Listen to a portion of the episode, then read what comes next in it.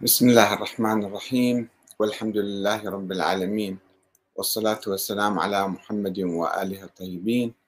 ثم السلام عليكم أيها الأخوة الكرام ورحمة الله وبركاته.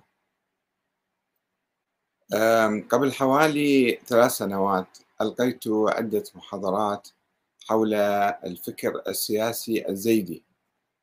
وطبعا تعرفون أنا انتقدت أو راجعت الفكر السياسي الشيعي الإمامي الاثني عشري ودرست وانتقدت وراجعت الفكر السياسي السني في كتاب خاص آخر تحت عنوان تطور الفكر السياسي السني نحو خلافة ديمقراطية.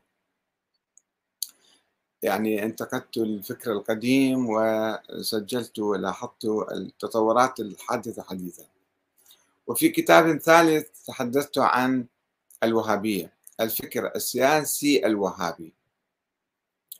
أه ولم تسنح لي الفرصة لكي أبحث الفكر الزيدي بصورة مفصلة ولا الفكر الإباضي. رغم أني قرأت بالحقيقة بعض الكتب حول هذين المذهبين أيضا وكانت عندي محاضرات بعنوان هل يؤمن الشيعة الزيدية بالشورى أم بالإمامة؟ هذا عنوان المحاضرة. وعنوان محاضرة أخرى هل هناك ضرورة لاستمرار الفكر الزيدي في ظل التطور الديمقراطي في اليمن؟ ولا لازم نقطع وياه أو نعيش وياه؟ وهذه كانت في سنة 2019 أكتوبر 19 ثم عرضت محاضراتي هذه. على أحد المفكرين الزيد الزيدية في اليمن وهو الأستاذ الشيخ محمد فرج أبو مجد الدين. يعني طلبت منه أن يعلق على محاضراتي هذه حتى وأيضا طلبت منه عدة مرات بالحقيقة أن نجري حوارا مباشرا معه حول هذا الموضوع واليوم أيضا راسلته ولكن لم يجبني. كنت أحب يعني يكون في حوار حي أكثر ومتواصل أكثر ولكنه تفضل بإرسال رسالتين طويلتين بالحقيقة تعليقا على محاضراتي السابقة ونشرها في صفحتي مشكورا. وأنا تحدثت في محاضراتي حسب قراءتي من كتب التاريخ حول الملل والمذاهب. بأن الشيعة الزيدية في البداية كانوا يؤمنون بالشورى ثم مع تطور الأحداث والزمن أيضا نشأت لديهم فكرة الإمامة في أهل البيت. الإمامة في أهل البيت والإمامة مثلا من هم أهل البيت؟ هم أبناء علي أو أبناء فاطمة. فصار جدل بيناتهم بين عموم الشيعة يعني بالحقيقة. ثم آه ثم يعني آه كانوا يؤمنون بالشورى. وأيضا قلت أن آه في مرحلة متأخرة في القرن الثالث الهجري حدث تطور نحو تقريبا الإمامة الإلهية أن هذه من الله تعالى الإمامة في هذه السلالة. وإن كانوا يختلفون عن الإمامية الاثنى عشرية بأنه الإمامة تتم بالنص من واحد إلى آخر وإذا ما في نص تتم بالوصية وإذا ما في وصية تتم بالمعجزة.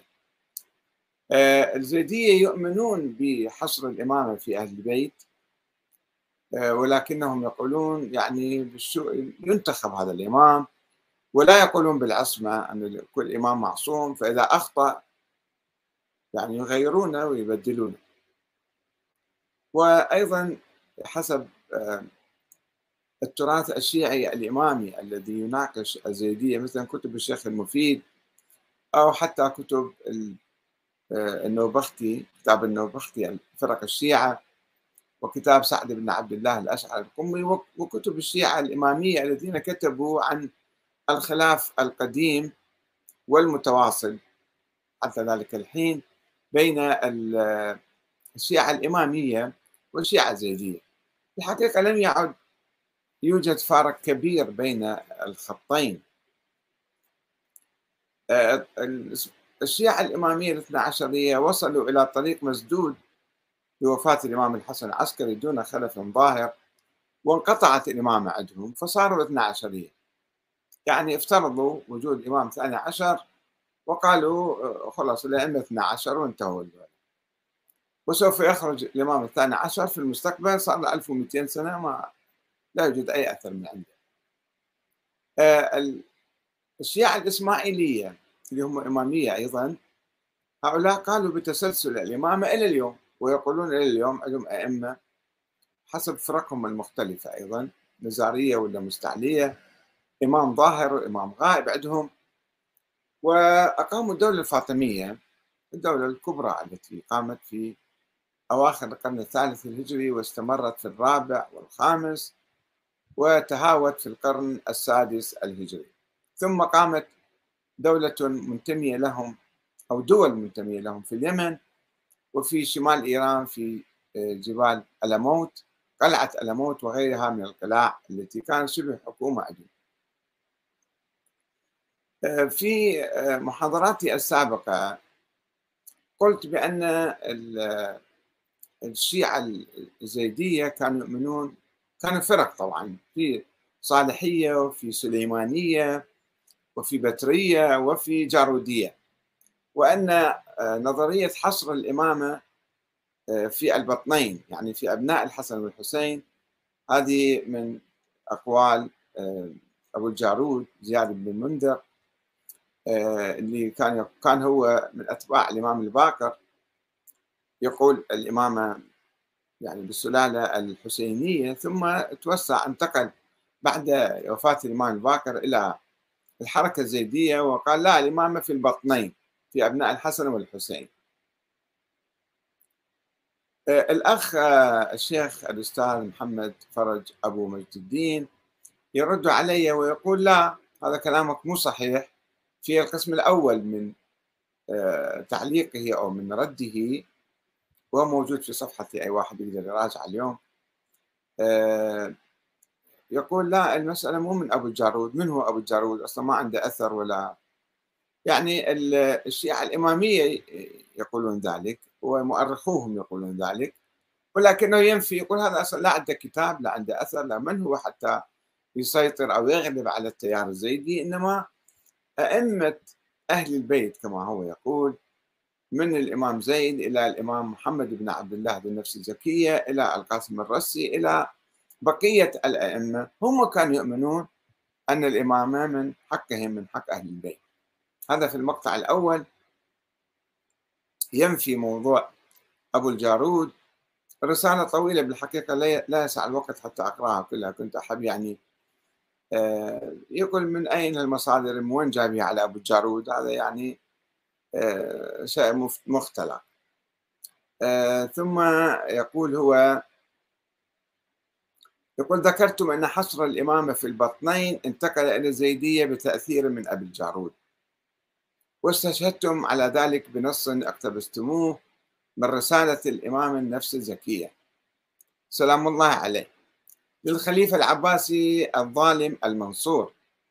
غير أن لنا أن نسأل عن مصدر قولكم هذا. وما نقلتموه عن الإمام النفس الزكية. ينفي دعوى أن قدماء آل البيت لم يكونوا يقولون بحصر الإمامة في البطنين. بل هو كذلك بل هو يؤكد ذلك القول. يعني هو خلينا نترك موضوع أبو الجارود على صفحة. وأن أهل البيت وقدمائهم ومنهم النفس الزكية. النفس الزكية آه، طبعا خرج على المنصور آه، هو عند تهاوي الدولة الأموية سنة 126 عقد مؤتمرا في الأبواء جمع به قيادات المعتزلة وقيادات الشيعة وتحضروا لسقوط الدولة الأموية. ومنهم السفاح والمنصور والمنصور بايعوا هذا الإمام. قبل سقوط الدولة الأموية مؤتمر الأبواء قرب المدينة. ثم المنصور استفرد بالحكم الصفاح والمنصور العباسيون نكثوا ببيعتهم فلذلك كتب له رسالة يقول له أنتم أخذتوا الحق آه، بينا. أنتم رفعتوا شعار يا لثارات الحسين والحق كان إن أبونا كان الوصي الإمام علي يعني والحق لازم يكون إن وأنتم إجيتوا أخذتوه وانقلبتوا علينا يعني. هذا مضمون رسالة الإمام آه، محمد آه، بن عبد الله ذو النفس الزكية اللي بعدين رفض بيعة المنصور وخرج عليه وقتل آه، في سنة 145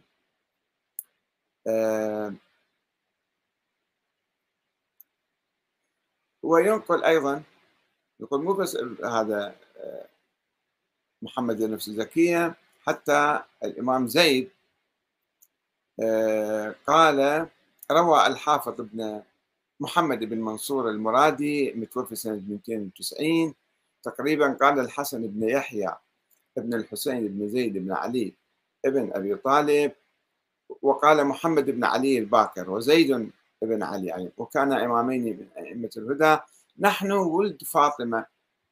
أئمتكم في حلالكم وحرامكم. الإمام منا المفترض الطاعة الشاهر سيفه الداعي إلى سبيل ربه بالحكمة والموعظة الحسنة. وليس الإمام المفترض الطاعة الجالس في بيته. المرخي عليه ستره. تجري عليه أحكام الظلمة ولا تجري حكومته على ما وراء وراء بابه. وذلك لأن أنهم لا يحتاجون إلى الطاعة إلا مع الأمر والنهي. إذا أمروا ونهوا حكموا يعني قادوا يطيعوهم. وإلا لا مو كل واحد من آل البيت يعني هو يستحق الطاعة و مع إقامة الحدود وأخذ الأفياء والأخماس في مواضعها ووضعها في أهلها والأخذ للمظلوم من الظالم. فإذا يقول الإمام يعني هذا طبعا ينقل عن الإمام زيد ضد محمد الباقر أنه أنت في حوار ينقل ينقلوه المؤرخون الشيعة. أن أنت يعني مدى تقود الثورة فأنت شلون إمام جالس ببيتك ومرخي عليك أستارك؟ الإمام اللي يخرج مثل ما خرج زيد. هذا النص يرويه ويروي نصوص كثيرة طبعا في هذا الموضوع. آه، يقول سمعت أخي موسى الكاظم عن علي العريضي ابن جعفر الصادق. يقول سمعت أخي موسى أيضا يقول ليس منا أهل أهل البيت مفترض الطاعة وهو جالس في بيته والناس يختطفون من وراء بابه لا يدفع عنهم ظلما ولا يهديهم سبيلا. هذا مو إمام اللي يسكت ويقعد ببيته. ينقل علي العريضي ابن جعفر الصادق عن أخيه موسى بن جعفر. إنما الإمام منا الباذل نفسه العالم بكتاب الله الداعي إلى الحق الناهي عن الباطل. آه، يعني يربط هذا كلام ربما يكون صحيح منقول يعني. أنه مو كل واحد من أهل البيت صار إمام مفترض الطاعة حسب نظرية الشيعة اللي كانوا متداخلين الزيدية والإمامية كلهم كانوا متداخلين في القرن الثاني والثالث في الحقيقة. ما كان هناك فصل عن هذول إمامية وذولا زيدية لا كان في فكر متقارب أيضا. البعض من الشيعة كان يقول مثلا بهذه السلالة والبعض كان يقول لا لا آه، نقتصر على السلالة إنما عموم أهل البيت عموم أبناء علي أي واحد يخرج من عندهم فهو يصير آه، إمام مفترض الطاعة. يجيب نصوص كثيرة في الحقيقة في نفس المضمون هذا. آه، يقول يقول هم يعني يجيبون الثورة على الحاكم المتغلب الجائر الظالم الخائن لأمته ولو كان من البطنين.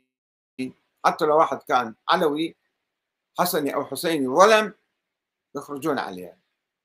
وهم يمنعون فرض تصورهم السياسي في فاطمية الإمام على المسلمين بالقوة ما يقبلون ويرون عدم جواز ذلك طالما كان رأس الأمة المسلمة ورعا تقيا عادلا في رعيته. أمين أو أمينا على أمته.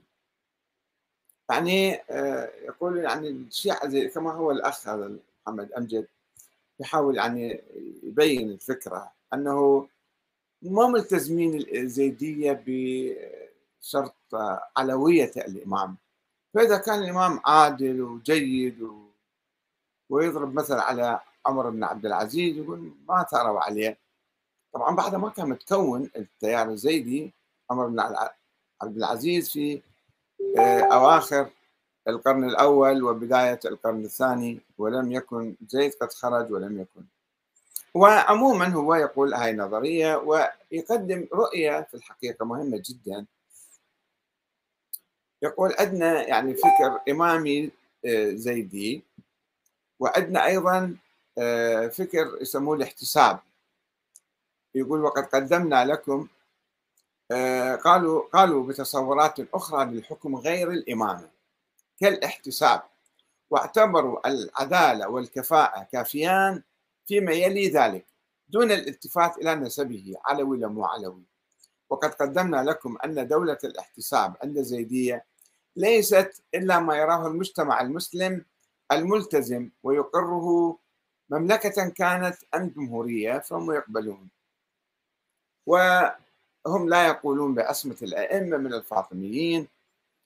هذا طبعا معروف عن الزيدية ولا يقرون حكم غير الكفوء العدل العالم منهم. شرط يكون كفوء وعادل. ولا ينزعون عن الأمة واجب الرقابة على سياستهم. إن قامت الدولة وفق قانون الإمامة أو الاحتساب الأمة لها دور مهم جدا. ولا يقولون بعلم لدني للأئمة. كما يقول الإمامية بعضهم المتطرفين الغلاة ولا ينسبون إليهم المعاجز ولا يقولون بالطاعة المطلقة للإمام. كمقتضى لتلك العقائد التي لا يقرونها ويرون فيها مغالاة وخروجا عن التوسط والاعتدال بل يرون ذلك خروجا عن النواميس والتعاليم الإلهية. بعدين ينتقد الممالك والتجارب الديمقراطية وهي في الرسالة الأولى. في الرسالة الثانية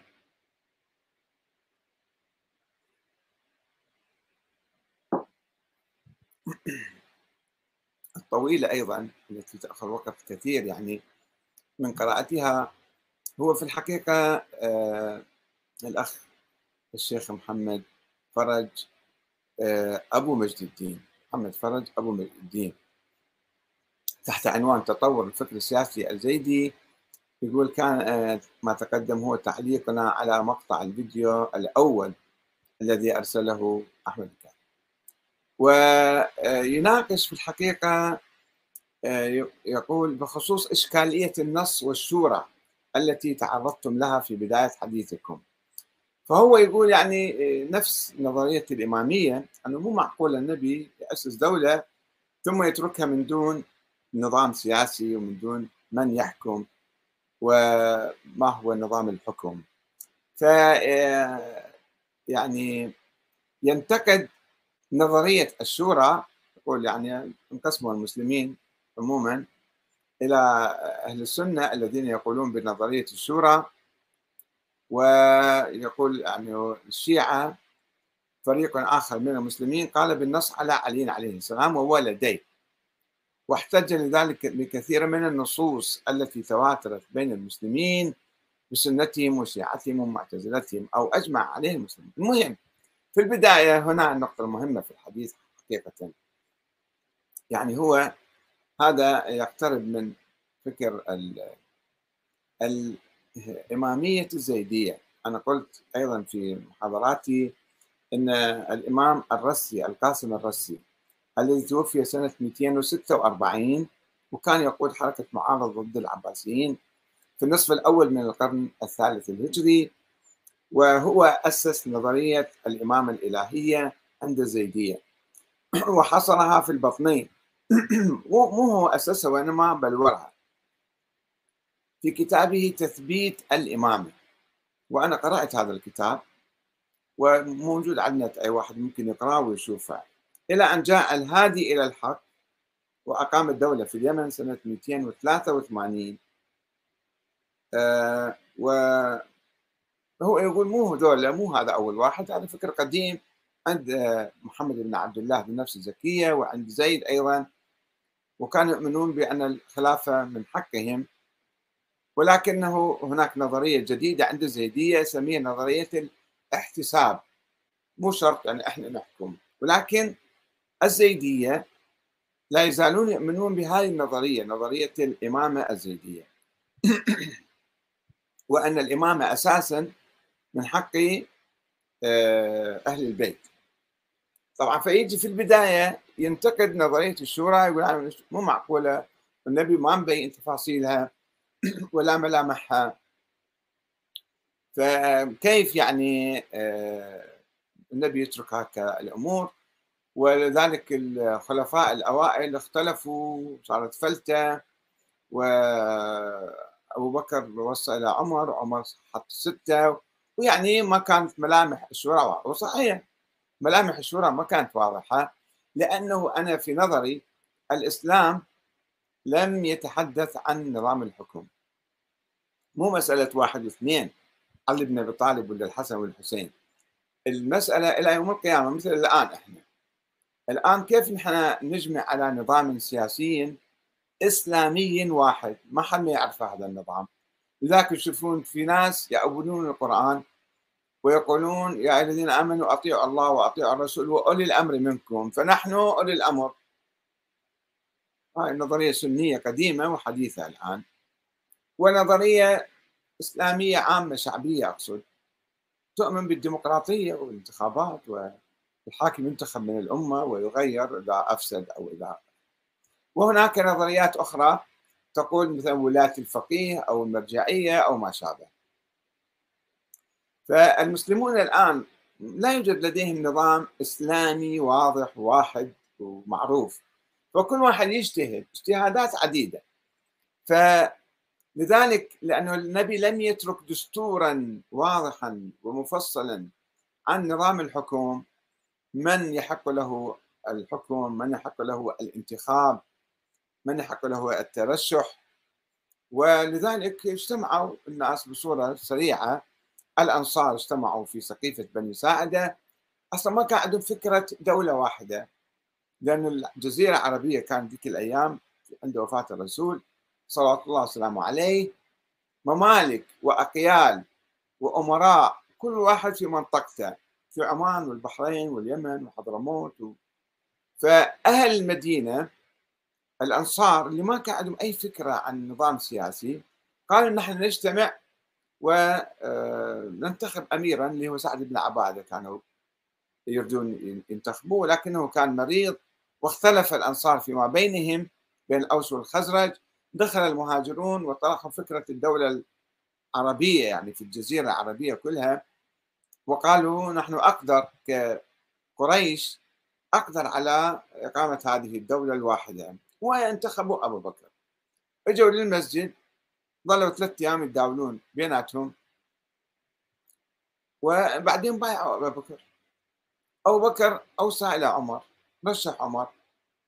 صحيح ولا خطأ؟ المهم هذا حدث لأنه آه، ما كان في دستور واضح لانتقال السلطة وكيفيتها عمر أيضا بعدما ضرب أيضا آه، عين ستة من زعماء القبائل القرشية المهاجرة. مو الطلقاء قال الطلقاء ما يدخلون بالعملية السياسية ولا أبنائهم. فقط دولة قادة المهاجرين القرشيين ستة قال سووا شورى وانتخبوا. طبعا ما لم يشرك الأنصار في عملية الانتخاب. وهكذا عندما قتل عثمان الناس جاءوا انتخبوا الإمام علي. الإمام علي رفض التوريث ورفض أن يوصي إلى أو يعهد إلى ابنه الحسن. فطلبوا منه ذلك قالوا لا أترككم كما ترككم رسول الله. ثم الإمام الحسن أصبح إماما بعد ما بايعوا الناس آه، وتنازل عن الخلافة لمعاوية بعد ستة أشهر. حقنا للدماء وإنهاء الحرب اللي كانت مستعرة أربع خمس سنوات بين الطرفين وانتهت الإمامة.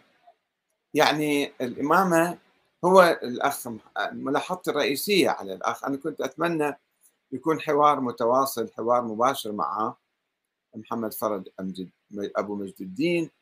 أنه يعني أنت تفضلت انتقدت الشورى لأنه مخربطة وماكو ملامح لها واضحة. نعم صحيح. ولكن لأنه النبي لم يتحدث. أنت تفترض لا أن النبي وصى أو نص على الإمام علي. وهذه طبعا ليست كل زيدية. يعني الإمام زيد مثلا لم يكن يؤمن بأن أبو بكر وعمر كانا مثلا مغتصبين. في حواره مع مؤمن الطاق أو شيطان الطاق عندما عشية الثورة على الأمويين آه، هذا مؤمن الطاق قال أنا ما ألتحق معك بالثورة لأنك أنت لست الإمام المعين من قبل الله. قال له شنو الفكرة هاي الجديدة؟ منين جايبها أنت؟ قال له يعني هاي فكرة الإمامية. فالإمام زيد قال له قال له شنو موقفك من أبو بكر وعمر؟ قال له إمامان صالحان يعني ما ما ما عندنا إشكال عليهم. فما كان هناك انتقاد عند أئمة الشيعة وعند الإمام زيد على تولي أبي بكر وعمر. بالشورى والإمام علي بايعهم بعدين واشترك معهم واشترك بالشورى. فلو كان عنده ناس كان قال من أول يوم أنا يوجد علي ناس ولا أبايع أحدا. والإمام الحسن ما يتنازل عن الخلافة لأنه نص من الله عليه. هذا يعني لو نقرأ التاريخ بصورة أخرى غير بعيون غير إمامية بعيون محايدة. نشوف أن نظرية الإمامة لم تكن موجودة في الجيل الأول حتى عند الإمام زيد. ولكن يبدو الأخ محمد فرج هو يميل إلى نظرية النص أكثر من نظرية الشورى. و آه، يقول أنه آه، في السابق يعني ينتقد تجربة الخلفاء الراشدين ويجي بعدين الآن يقول آه، يعني بحكومة العادل. طيب كيف العادل يجي؟ تؤمن بالشورى أو لا تؤمن الآن؟ السؤال الأخير أنا ما أطول عليكم كثير ويمكن لأي أخ أن يقرأ الرسائل هنا في صفحتي على الفيسبوك وصفحتي طبعا هو أيضا ناشرها يمكن. آه، أقول بالنتيجة آه، الآن الزيدية يؤمنون هل يؤمنون؟ بنظرية الشورى وحق جميع المسلمين بانتخاب الإمام بعيدا عن نظرية الإمامة والاحتساب. بالنتيجة أي نظرية أقوى وأي نظرية يمكن تطبيقها؟ أن نقول بأن آه، الإمامة من حق جميع المواطنين. طبعا حسب شروط يعني العدالة والكفاءة وما شابه. وأن آه، الشعب هو الذي ينتخب الإمام بالنظام الجمهوري. اللي موجود في اليمن الدستور اليمني اللي هم زيدية مؤيدين أيديه وموقعين عليه ويحترموه حتى الآن. فالأخ محمد فرج هل هل تؤمن بالنظام الديمقراطي بالشورى أم لا؟ أيضا تنتقد أنت الديمقراطية في الغرب. بس ما علينا الديمقراطية في الغرب عنصرية وإمبريالية وبها سلبيات كثيرة ما حد ينكر ذلك. ولكن إحنا كمبدأ هذا كمخرج يعني آه، إما أن نكون مشكلة أو نكون حل. عنوان محاضرتي اليوم الزيدية في اليمن. هل هم المشكلة أم الحل؟ المشكلة وين تكمن؟ عندما واحد يعتقد أنه لا. الشورى باطلة والنظام الديمقراطي باطل ولا يحق للناس هم ينتخبون الامام إنما هذه السلاله من هذه السلاله يقعدون جماعة من من أهل البيت عليهم السلام دائما. نقول أو يقولون هكذا. وكلهم مقدسين عليهم السلام. كل عبر التاريخ مال الزيدية مو 12 واحد عند الشيعة عليهم السلام لا كلهم عليهم عليهم السلام. وبالتالي هذا عندهم جانب ديني كما نظر لذلك الإمام القاسم الرسي. آه، وبالتالي حق الحكم من الله لهذه السلالة العلوية الهاشمية كما يقولون في اليمن. مو حق من الناس. إنما اضطرارا أو استثناء أو مثلا في ظروف معينة قد يقبلون بأي حكومة أو أي نظام ديمقراطي. فيجب أن يعني نبت في هذه المسألة. هل نحن نؤمن بنظام الإمامة ونفرضه على الناس؟ أم لا؟ نقول الإمامة انتهى. هاي النظريات كانت عند آه الإمام زيد نفترض أو الإمام محمد ابن آه، عبد الله ذي نفس الزكية الإمام القاسم الرسي أي واحد من الأئمة السابقين. كانوا يؤمنون أو لم يكونوا يؤمنون. الأوائل كانوا يؤمنون أو لم يكونوا. بالنتيجة الآن هل نحن نستمر في تبني الفكر الزيدي الذي يحصر الإمامة في أبناء علي في أبناء فاطمة مو في أبناء علي يعني في أبناء البطنين؟ الإمام علي عنده أولاد أكثر الكيسانية أولاد الإمام علي. محمد آه، ابن الحنفية. آه، أم نؤمن بالشورى. إذا إحنا تبنينا الفكر الزيدي اللي يرفض الشورى وينتقد الشورى ومثل الإمامية يعني فراح نصير مشكلة في اليمن. وبالتالي بقية المواطنين في اليمن يقولون شنو أنتم مفضلين نفسكم علينا؟ وتريدون تفرضون نفسكم علينا؟ وأنتم أنتم الأسياد وإحنا عبيد؟ فيصير نوع من المقاومة. ويصير انقسام ويصير نوع من التوتر وربما الحرب لا سمح الله والمعارك وتستمر المشكلة. أو نجي نتبنى نظرية الشورى نظرية الديمقراطية. نقول الإسلام لم يتحدث عن أي نظام سياسي ولكن النظام الشورى أقرب إلى العقل وأقرب إلى الإسلام لأنه في مساواة وفي عدالة ما في واحد فوق الثاني. ما في عائلة فوق المواطنين البقية أو جماعة أو كذا. فيجب أن نطور هذا الفكر الديمقراطي ونقول حتى آه، آه، آه، ننتج الحل للأزمة اليمنية. وطبعا هو الأخ محمد فرج يقول يعني نظام الإمامة مثل الخلافة ما محدد بحدود يعني ممكن يتوسع إلى أي بلد آخر. في النهاية أنا أقول يعني كما الآن كما فهمت من الرسالتين الطويلتين للأستاذ محمد فرج أن هناك يعني لا يزال في ارتباك في الموقف من الديمقراطية. الموقف الثابت والأصيل رغم أنه هو طرح آه، نظرية الاحتساب والقبول بالمحتسبين ولكن مع المحافظة على على نظرية الإمامة الزيدية. الإمامة اللي هي جدا قريبة من نظرية الإمامة الشيعية. الشيعة الإمامية الاثنى عشرية باعتبار الإمامة انقطعت في القرن الثالث الهجري طوروا عدة نظريات خلال هالألف سنة.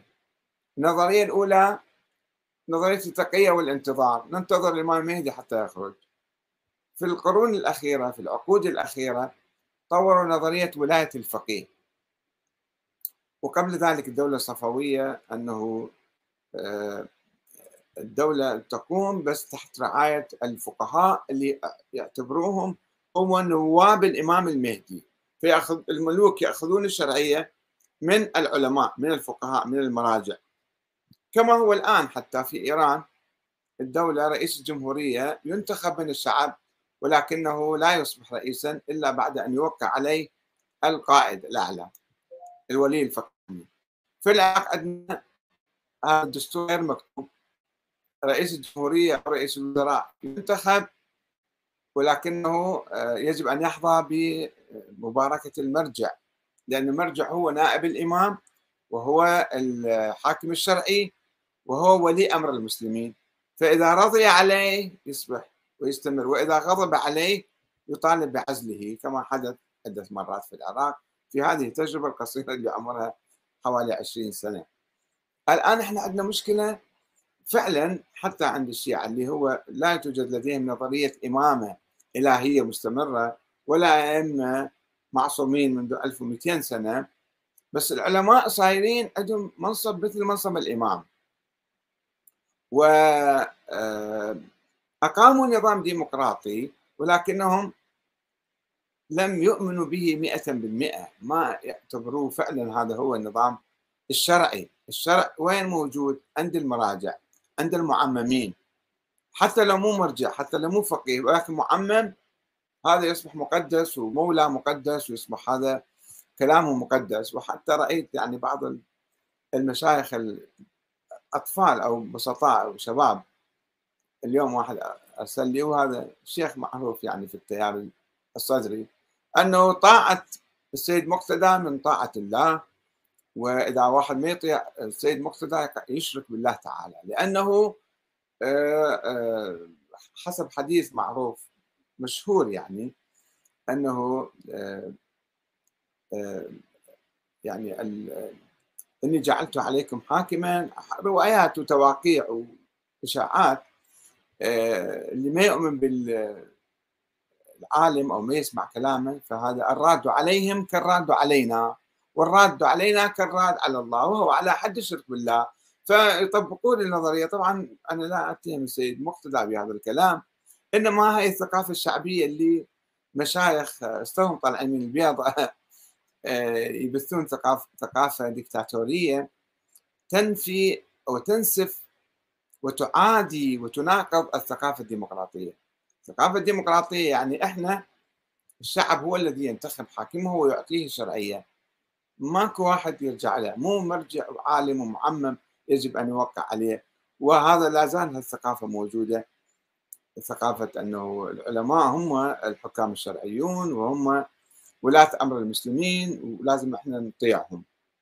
هذه مشكلة رغم تطور الفكر السياسي الشيعي الإمامي الاثني عشري نحو ثورة على الفكر القديم على الفكر الإمامي لم يعد الشيعة يشترطون لا العصمة في الإمام يعني في رئيس الجمهورية أو رئيس الوزراء أو القائد أو ولي الفقيه.